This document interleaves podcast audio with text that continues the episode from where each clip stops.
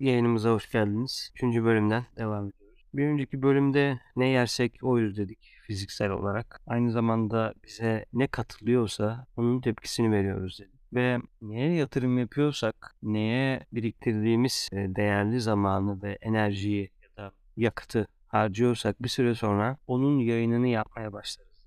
Sürekli gitara enerji harcarsak birer saatten bir süre sonra artık gitarla ilgili bir şeyler yapmaya, onunla ilgili videolar çekmeye, forumda gitarla ilgili blog yazmaya başlarız dedik. Ama bizim sistemlerimizin içinde bulunduğumuz ortamın bireyin bu ortama etkisi, ortamın bireye etkisini birazcık daha açmak istedim. Çünkü bu ortamı ülke olarak alalım. İnsanların oluşturduğu bu düşünce kalıpları, yargılar, kabuller bir süre sonra 1 milyon kişinin aynı yargıyı çıkarttığını düşün. 1 milyon kişinin aynı duyguyu çıkarttığını düşünün. 1 milyonluk duygunun bir enerjisi var. Ne dedik mesela? Her gün sen bir enerji alıyorsun. Her gün bedenin sen kalk, yürü, kitap oku, yoga yap, meditasyon yap, sanat yap, bir şeyler yap ya da işte kötü ya da iyi neyse karmana göre ya da konumlandırmana göre, samskarana göre bir şeyler yap diye sana her gün yatırım yapıyor bedenin. Çünkü o da sana yatırım sana yatırım yapmasa sen ayakta olamazsın. Sen de alıp o şimdi o zaman işte iki tane üç tane sen var. Buradan oraya geleceğiz ama bu alana çok girmek istemiyorum çünkü şu an ilk sohbetlere göre birazcık derin bir konu senler. Neden sana enerji veriyor? Sen alıp o enerjiyi gitara veriyorsun, işte sanata veriyorsun. Bir süre sonra sen sanatta ve gitarda ilerliyorsun ve onunla ilgili artık yayınlar yapıyorsun. Bunun ülke çapında olduğunu düşünün. Ülke çapında senin bedeninin sana getirdiği bir litre benzin olsun diyelim. Çünkü sen o benzinle işte ne yapıyorsun? Yorulmak bilmeden dağa çıkıyorsun. Şeyler yapıyorsun. Sanat yapıyorsun. Tamam. Sonra yoruluyorsun, yatıyorsun. Bir daha enerji. Yani şu demiyor beden sana. Ya ben bugün sana enerji vermiyorum demiyor. Sana bugün de enerji veriyor. Sen de gidip o enerjiyle ya gitar çalıyorsun ya resim yapıyorsun ya yazı yazıyorsun ya kitap okuyorsun gibi. Şimdi bu oluşan bir litre enerjiyi ülke çapında yapalım. Ülkede de 1 milyon kişi 1 milyon litrelik bir enerji açığa çıkar total olarak. Çünkü biz bireysel olarak her şeyden izole yaşamıyoruz. Yani gitarı kimden öğreniyorsun? Hocadan öğreniyorsun. Değil mi? Çünkü hoca demek o konuda çok fazla yatırım yapmış kişi demek. Diyoruz ki işte kadın, adam ya da kişi neyse 30 yılını gitara verdi. Ne oldu peki 30 yılını gitara verdi de? Çok fazla onun üzerine yatırım yaptı ve artık o konuda yayın yapıyor. O konuda oluşturduğu tercih silsilesi her gün gitarı tercih ederek her gün her gün her gün her gün her gün bir süre sonra artık onun yetiştirdiği bitkiler çok uzadı. Çünkü onları hasat ede ede bitmiyor bir süre sonra 10 yıl geçti artık ve o artık o bitkiyi hasat etmeye başlayabilir. Gider yapraklarını toplar, bitkisini satar, meyvesini yer gibi. İşte meyvesi mesela bitkisini satar ne demek? İşte gitar kursu veriyor. Çünkü artık 30 senelik hoca, 10 senelik hoca. Biz de gidip iyi hocadan ders almak istiyoruz. Neden? Çünkü o bunun üzerine çok fazla yatırım yapmış oluyor. Burada nereye geliyoruz? Ülkeyi devralım. Yani biz bağımsız bir varlık değiliz. Gitar kursunu kimden alıyorsun? Hocadan alıyorsun. Dolayısıyla hoca o gitar kursunu kimden alıyor? Gitar yapan kişiden alıyor. Gitarı kim yapıyor? Gitarı yapan kişi ağacı, ağaç alması lazım. Ağacı kim kesiyor? Dolayısıyla herkesin birbirine bir enerji verdiğini, bir hareket verdiğini, dikkat verdiğini ve niyet verdiğini anlayalım. Herkes birbirine fark etmeden niyet, dikkat ve enerji veriyor. Otobüse bindiniz. Enerji verdin. Dikkatini oraya verdin bir defa. Mesela birisi aradığında ne diyorsun? Ben metrobüse bindim geliyorum. Bu küçük ölçekte senin için bir birim, çok küçük bir birim olabilir.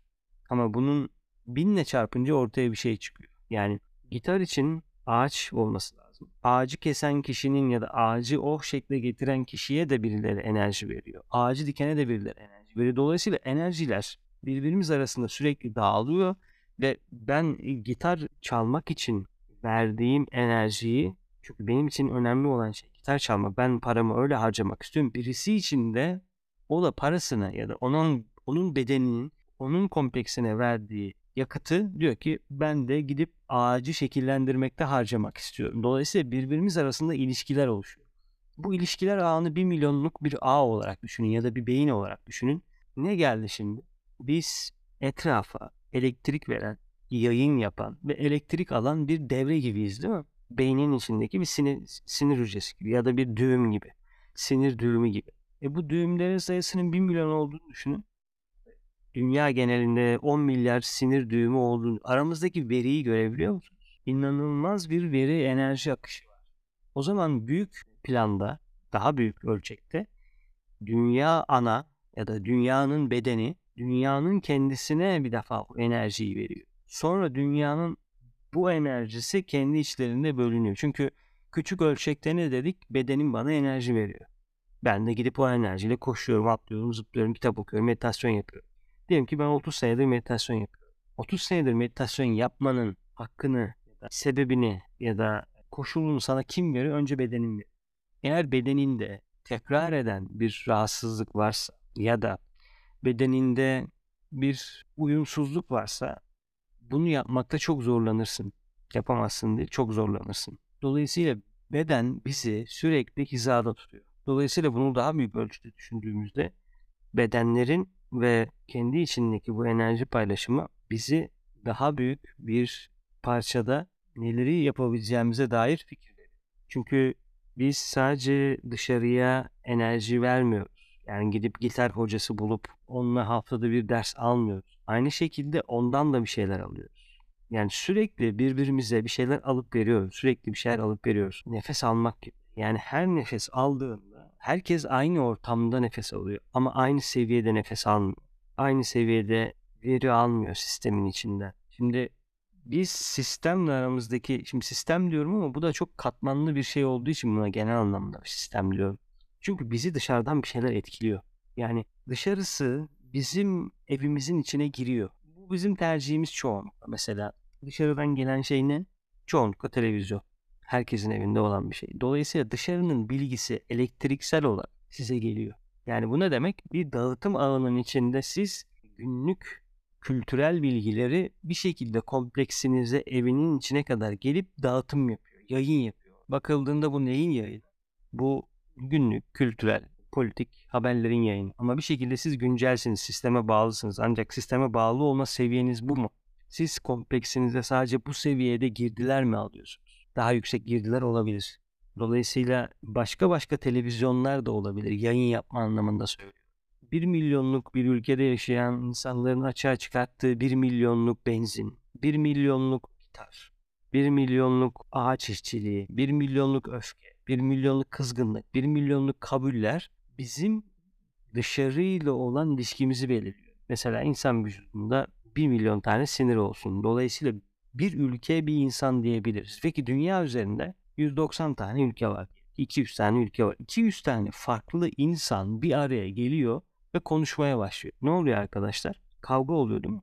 Anlaşmazlık oluyor. 200 tane insanı koyuyorsunuz birisi birisiyle ilgilenmiyor. Diyor ki işte sen şöyle yaptın ben böyle yaptım. Ama o insan ne? O insan diğer parçaların bir bütünü. Ne dedik? Benim bedenim birer parçalardan oluşmuş bir bütün ve bu parçaların oluşturduğu bütün bana enerji üretiyor her gün. Ülke burada insan olsun. Ülkenin parçaları var. İşte bölgeleri var. İşte bizde de ne var? İç Anadolu var. Ege var, Karadeniz var, Akdeniz var gibi bölgelerin oluşturduğu bir bütün var. Tamam. Peki biz bu bütüne her gün enerji veriyoruz. Her gün enerji oluşturuyoruz istemesek. Yani bunu zaten yapıyoruz yani. Nasıl beden her gün size enerji veriyor. Biz de o sistemlere enerji veriyoruz. Dolayısıyla kendi bedenimize bakalım. Şimdi beden bize enerji veriyor.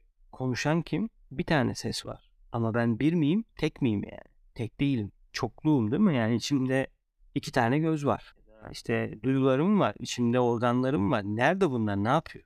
Dolayısıyla bir ses olsa da bu bütünün oluşturduğu bir sesin ortaklaşa ifadesi. Aynı bir milyon sinir hücresinin oluşturduğu bir ülke bedeni olsun, ülke insanı olsun. Bu ülke insanı diğer ülke insanlarıyla konuşurken bu enerjiyi kim veriyor ona? O ülkenin insanları. O ülkenin insanların kabulleri veriyor. Mesela bireysel bazda diyelim. Siz yaşanmışlıklarınıza göre bir e, kabul oluşturuyorsunuz. Diyorsunuz ki mesela karşı komşuyla biz e, çocuğuyla küçükken kavga ettik ben onları sevmiyorum. Bu kabul, bu duygu tutumu asansöre bindiğinizde şey olduğunda, toplantıda, yolda, orada, burada, bayram vakitinde hep sizi zorluyor. Sizin aklınıza geliyor ve siz kendinizi böyle konumlandırıyorsunuz diyelim ki. Geçmişten gelen şeylerle ve kültürel kabullerle. Akrabalık ilişkileri buna dahil olabilir. bir komşu ilişkisi demeyelim. Tamam. Peki ülkeler olarak söyleyelim.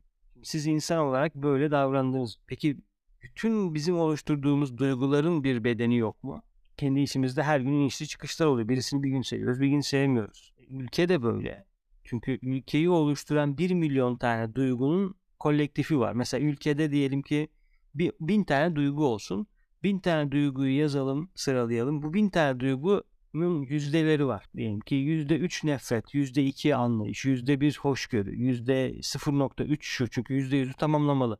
O yüzde yüzü de oluşturan bizleriz ülkede yaşayan insan. Dolayısıyla ülke insanı diğer ülke insanlarıyla arasındaki ilişki nereden geliyor? Bizlerden geliyor. O yüzden biz psikolojimizi, ürettiğimiz düşünceleri, duyguları değiştirebilirsek bu ülke insanını da değiştirir, diğer ülke insanlarıyla da araları düzelebilir. O yüzden biz kendi kompleksimizin içine ne giriyorsa bundan çok sorumluyuz. O yüzden psikolojik savaş denilen bir şey var. Yani siz psikolojiniz değişirse her şey değişiyor. Bitiyor, her şey değişiyor. Her şeye yüklediğiniz anlam değişiyor. Çünkü siz anlamları zihninizle, psikolojilerinizle oluşturuyorsunuz. Yani bugün sokakta bir kişiyi öldürmek suçken ve çok büyük bir şeyken değil mi? Savaşta herkes birbirini öldürüyor. Ve insanlara moral veriyorlar öldürdüğü için. Şimdi bizim öldürme deneyimimiz ya da kendimizi korumamıza göre ya da başkasına zarar vermemize göre değişiyor. Ya da işte ülkeni koruyorsun ne yapacaksın? Öldürmeyeceksin de ne yapacaksın yani? Birisi senin ülkene gelmiş. Kendini savunmayacaksın, korumayacaksın ne yapacaksın? Şimdi bu kabul bizi savaşta insanları zarar vermemize, öldürmemize olanak veriyor. Sokakta kimseye zarar veremiyorsun. Nereye geldik? Bir zihinsel kabulle, bir toplumsal kabulle hareketlerimizin üzerindeki anlamların nasıl değiştiğini gördük. O zaman senin zihnin değişirse, senin üzerinde bir psikolojik savaş varsa diye Türkiye üzerinde psikolojik bir savaş var. Ki bu olması muhtemel olabilir. Çünkü herkes birbirine politika aracılığıyla birçok şey söylüyor. O zaman bu psikolojik savaşlar bizim ülke insanlarımızı değiştirecek. Çünkü bizi değiştirecek. Şu kötü bu iyi gibi şeylerle ülkenin anı bir çok hızlı tepki verir. Yani bir saniye içinde e, değil mi? Yani bir saniye içinde duygumuz değişiyor. Bir telefon aldık duygumuz değişiyor. WhatsApp'tan eşimiz, çocuğumuz ya da başka birisi bir fotoğraf yollayınca çok uygunsuz bir fotoğraf yolladı. Yakınlarınızın birisi kaçırıldı ve çok kötü bir durumda. Anında bütün her şeyiniz değişiyor. Saniyesinde. Siz insansınız. Bir milyon insanın anında değişiyor. E, dolayısıyla bu değişiklik nereye yansıyacak? Daha büyük bir şeye yansıyor.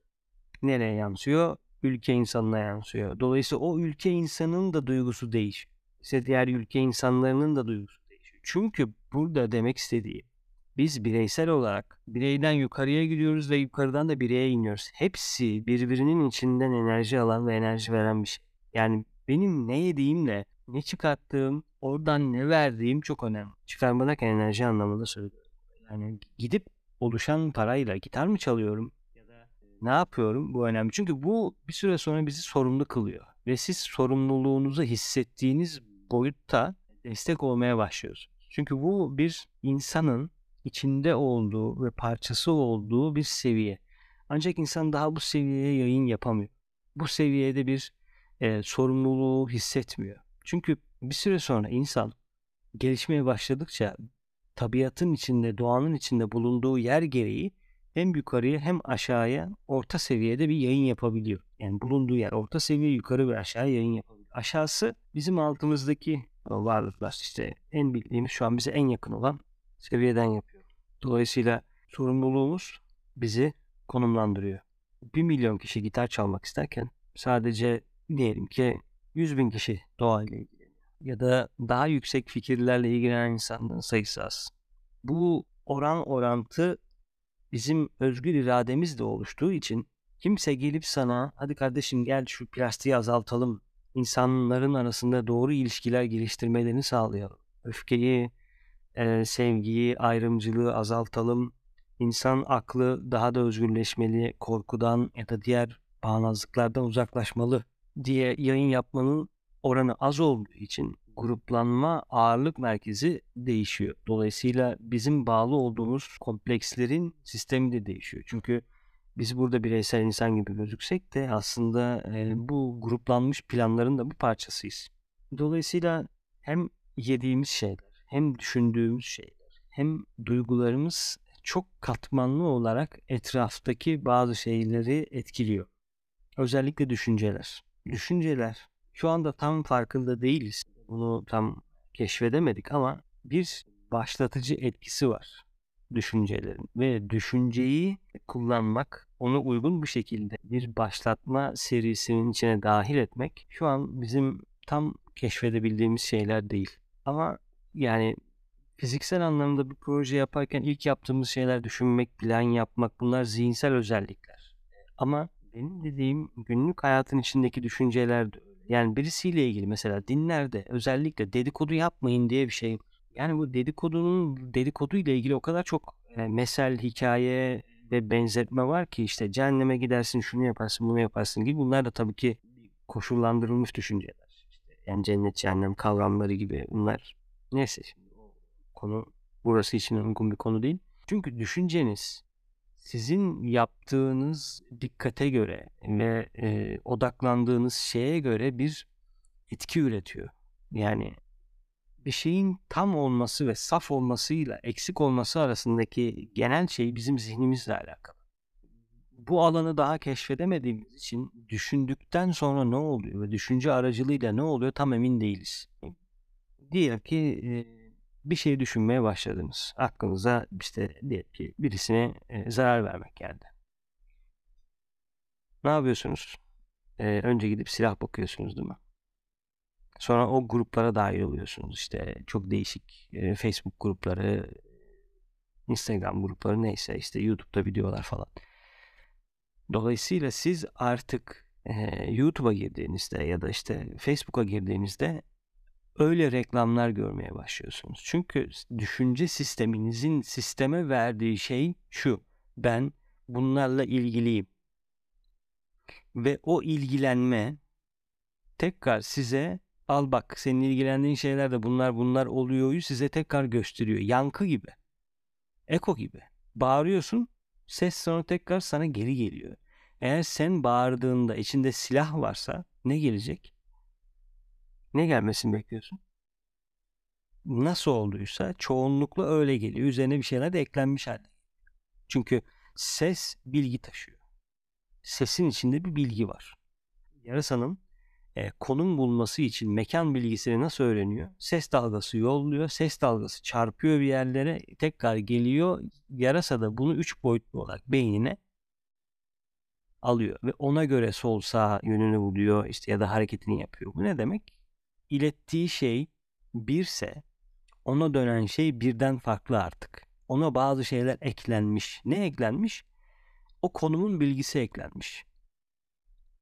Bağırdın belli bir çaptaki bilgiler geldi senin beynine oluştu. Tamam. O zaman benim sesim eko yaptığında bana gelen şeyin içinde de bir bilgi olacak. Ekstra bir şey olacak.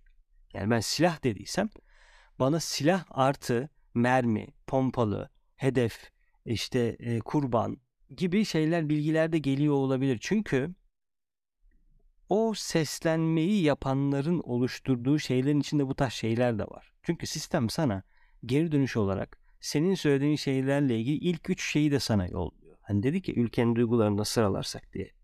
Ben ona sevgi yollarsam, bitki yetiştirme yollarsam ya da daha e, gezegen ve gezegen üzerindeki yaşamlarla ilgili şeyi yollarsam bana başka şeyler geliyor.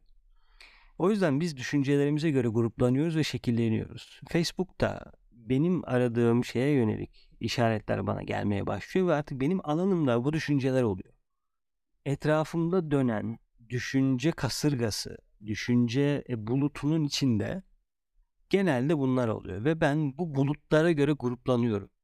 Burası çok önemli çünkü hayat nasıl gruplanıyor? Yani Yunanistan'la Türkiye arasındaki fark ne? Bu gruplanma nasıl oluşuyor? Türkiye'nin içinde bu kadar dernek var. Bilinen bir örnek. Kuş Gözlem Derneği ya da Kuş Gözlem ekibi topluluğu önemli değil. Dernek, topluluk. Bu topluluk kuşları gözleyebilmek için bir insanın gruplanması. Demek ki ortada bir merkez var. Bu merkez o fikir, kuşları gözleme fikri insanları çekiyor. Ya da insanlar bu kuş gözlemini araştırıp sevmeye ya da sevmeye başladılar ya da bununla ilgili bir düşünce geliştirdiler. Öyle bir grup var. Değil mi? O grubun içinde mesela yemek pişirmek, gastronomi ile ilgili bir şey konuşulmaz çoğunlukla. Çünkü o grubun amacı o. O zaman biz böyle gruplar gruplaşarak kendimizi bir şeyin içine dahil ediyoruz. Ama bu sadece fiziksel bir şey değil. Yani ben bir şey düşünmeye başladıktan sonra onunla ilgili bir şey dahil oluyorum. Eğer birisini öldürmeyi düşünüyorsam dahil olduğum şeyi tahmin edebilirsiniz. Eğer ben dünya insanlığına barış getirmeyi düşünüyorsam dahil olduğum şeyi tahmin edebilirsiniz. Bu bizim özgür irademize dair en önemli ayrımlardan bir tanesi. Çünkü düşündüğüm şeye göre ya da hissettiğim, arzuladığım şeye göre gruplanıyorum. O zaman şunu düşünmen lazım. Ben neye göre gruplanıyorum? Çünkü biliyoruz ki artık pazarlama e, bir defa siz parfüm arayın. Her yerde parfüm reklamları göreceksiniz. Bir yerde bir şey arayın, ayakkabı arayın, ayakkabı göreceksiniz. Kitap arayın, kitap göreceksiniz. Sistem aslında bize sistemin ve diğer sistemlerin de nasıl çalıştığını gösteriyor bir yerde. Çünkü düşündüğün an sen ayakkabıyı e, dışsal olarak görmesen de telefonunda, reklamlarda, şurada burada görmesen de düşündüğün an zaten o orada. Çünkü yazmadan önce düşünüyorsun değil mi? Ayakkabı almayı düşündün ve onu oraya yazdın. Bir sonra Facebook'a girdiğinde ya da herhangi bir yere girdiğinde, reklam alınan bir yere girdiğinde orada ayakkabıyı görüyorsun. Anında gruplandın. Dolayısıyla biz duygularımıza ve düşüncelerimize göre gruplanıyoruz. Bu gruplanmalar bireysel bazda ve çünkü bireysellik demek sadece neyi düşünme özgür iradesine sahip olduğunu anlamında söylüyorum ama aslında biz bir grubuz. Dolayısıyla kişi hangi grupların içinde bunu keşfetmeli. Yani ben hangi grubun içindeyim? Ne düşünüyorum? Çünkü anladık ki penguenleri düşünüyorsam ben penguenleri düşünenlerle bir arada olacağım. Eğer ben dünyanın sağlığını düşünüyorsam dünyanın sağlığını düşünen insanlarla bir arada olacağım. Eğer ben Tanrı'nın işlerini düşünüyorsam Tanrı'nın işlerini düşünenlerle bir arada olacağım. Dolayısıyla biz böyle gruplanmaları yapıyoruz. Doğal olarak yapıyoruz. Bu podcast'in amacı da bu. Yani ışığın, aydınlığın, beyazın ve daha yüksek bilgilerin gruplanması için ne dedik? Ses bilgi taşır dedik. Oradaki bilgiyi iletmek ve bize hayatımızla ilgili fikirler vermek. Ne yapıyoruz?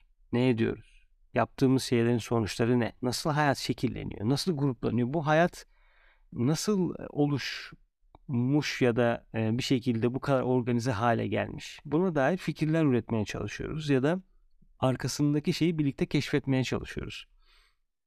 Çünkü kova çağındayız ve kova çağında bir şeyler grup halinde oluşuyor. Çünkü bir kova su dökülüyor ihtiyaçların üzerine. Ve bu sular yüksek sular. Biz de sorumluluklarımızı keşfediyorsak, sorumluluklarımız üzerinde bir bir bir fikrimiz ya da bir tercihimiz varsa insanların bir araya gelip dünyayı konuşması, iklim değişikliğini konuşması, insanın gelişimini konuşması kadar normal bir şey yok ve bu e, artık yeni dünyanın da yeni gelecek olan zamanının da bir şeyi ve yalnız değilsiniz. Bunları konuşan insanlar var ve birliğin enerjisi ne dedik? İşte bir milyon kişinin oluşturduğu benzin çok güçlüdür. Çünkü bir milyon kişinin yakıtıyla çok daha büyük alevler yanabilir ve bu alevleri kozmos görür. O yüzden biz kozmosun ne göreceğini, alevimizin hangi renkte olacağını seçebiliriz. Seçebiliriz. Aydınlık bir geleceği yaratmak, insanın mevcut konumunun gelişmesi ve daha ileri gitmesi için hepimize düşen görevler var. Bu çok açık. Duygularınız, düşüncelerinizi değiştirip bunu tercih ettiğiniz an gruplanıyorsunuz. Ve bu grubun içinde oluyorsunuz. Dinlediğiniz için çok teşekkürler. Bir üçlü seriyi bitirmiş olduk. Bir bakalım yorumlar nasıl oluyor, nasıl ilerleyeceğiz. Sonra bir üçlü daha yaparım.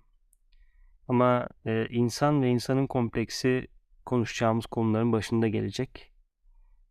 İnsan çok katmanlı ve çok seviyelere farklı seviyelere cevap verebilen bir varlık. Bunun sorumluluğunu alıp bunu düzgün bir şekilde kullanırsak geleceğimiz aydınlık olacak. Görüşmek üzere. Hoşçakalın. Sorularınız varsa dediğim gibi iletebilirsiniz.